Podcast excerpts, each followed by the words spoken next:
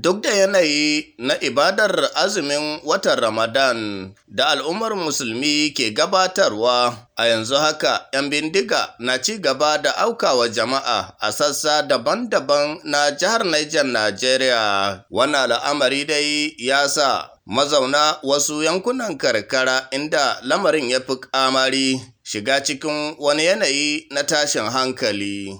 Wani mazaunin garin Kuimo ta ƙaramar hukumar Mariga ya ce tun a ƙarshen makon da ya gabata ne suke cikin wani yanayi na tashin hankali. Domin kuwa ko a lokacin da muke magana da shi suna kan tsauni a sakamakon musayar wutar da ake yi a tsakanin 'yan bindigar da kuma sojojin Najeriya. Muna saman tsaunuka. Kun haye tsaunuka? Dole ko yaƙin duniya iyaka kenan. Amma dai ba a tsara rayuka ne na mutanen Kuimun ko? Yanzu dai ba mu sani ba don halibin bindigan nan ya yi yawa ya an kai awa ɗaya ana abu guda. A garin Adunu ta ƙaramar hukumar Fayokoma al'ummar garin ne ke cikin tashin hankali bayan samun labarin cewa 'yan bindigar sun hallaka mutane shidda daga cikin mutanen garin kimanin hamsin da 'yan bindigar suka yi garkuwa da su a cikin makon da ya gabata. Alhaji Bakana shine sarkin Hausawan garin na Adunu. ga abin da yake cewa. Adunu ɗaya aka kai sauran mutane huɗu ko biyar ne zama shida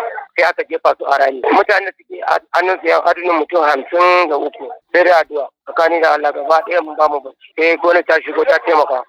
Ba jami'an da tsaro ko ɗaya suka zo hanyar Alhaji Aminu Ibrahim shine shugaban karamar hukumar ta Fayoko ya ce hukumomin jihar Niger na ƙoƙarin ɗaukar matakai na shawo kan wannan matsala da ta daɗe ana fama da ita. Akan gaskiya akwai tashin hankali a wannan gefen adunu da ishau da kuma kwagana. So muna nan muna iya duk abin da za mu yi, abin da za mu iya mu samu a local government, abin da mu kuma za mu iya mu tara a individual level yanda za a yi free ɗin wayansu. To kawo lokacin haɗa wannan rahoto dai ƙoƙarin jin ta bakin rundunar 'yan sandan jihar Niger akan wannan al'amari ya ci tura. Haka zalika, ita ma gwamnatin jihar Niger ba ta yi ƙarin haske ba a kan lamarin, amma a gefe guda malamai masu gudanar da tafsirai albarkacin wannan wata na Ramadan a nan jihar Niger na ci gaba da addu'o'i na musamman domin samun sauƙin wannan al'amari albarkacin watan na Ramadan.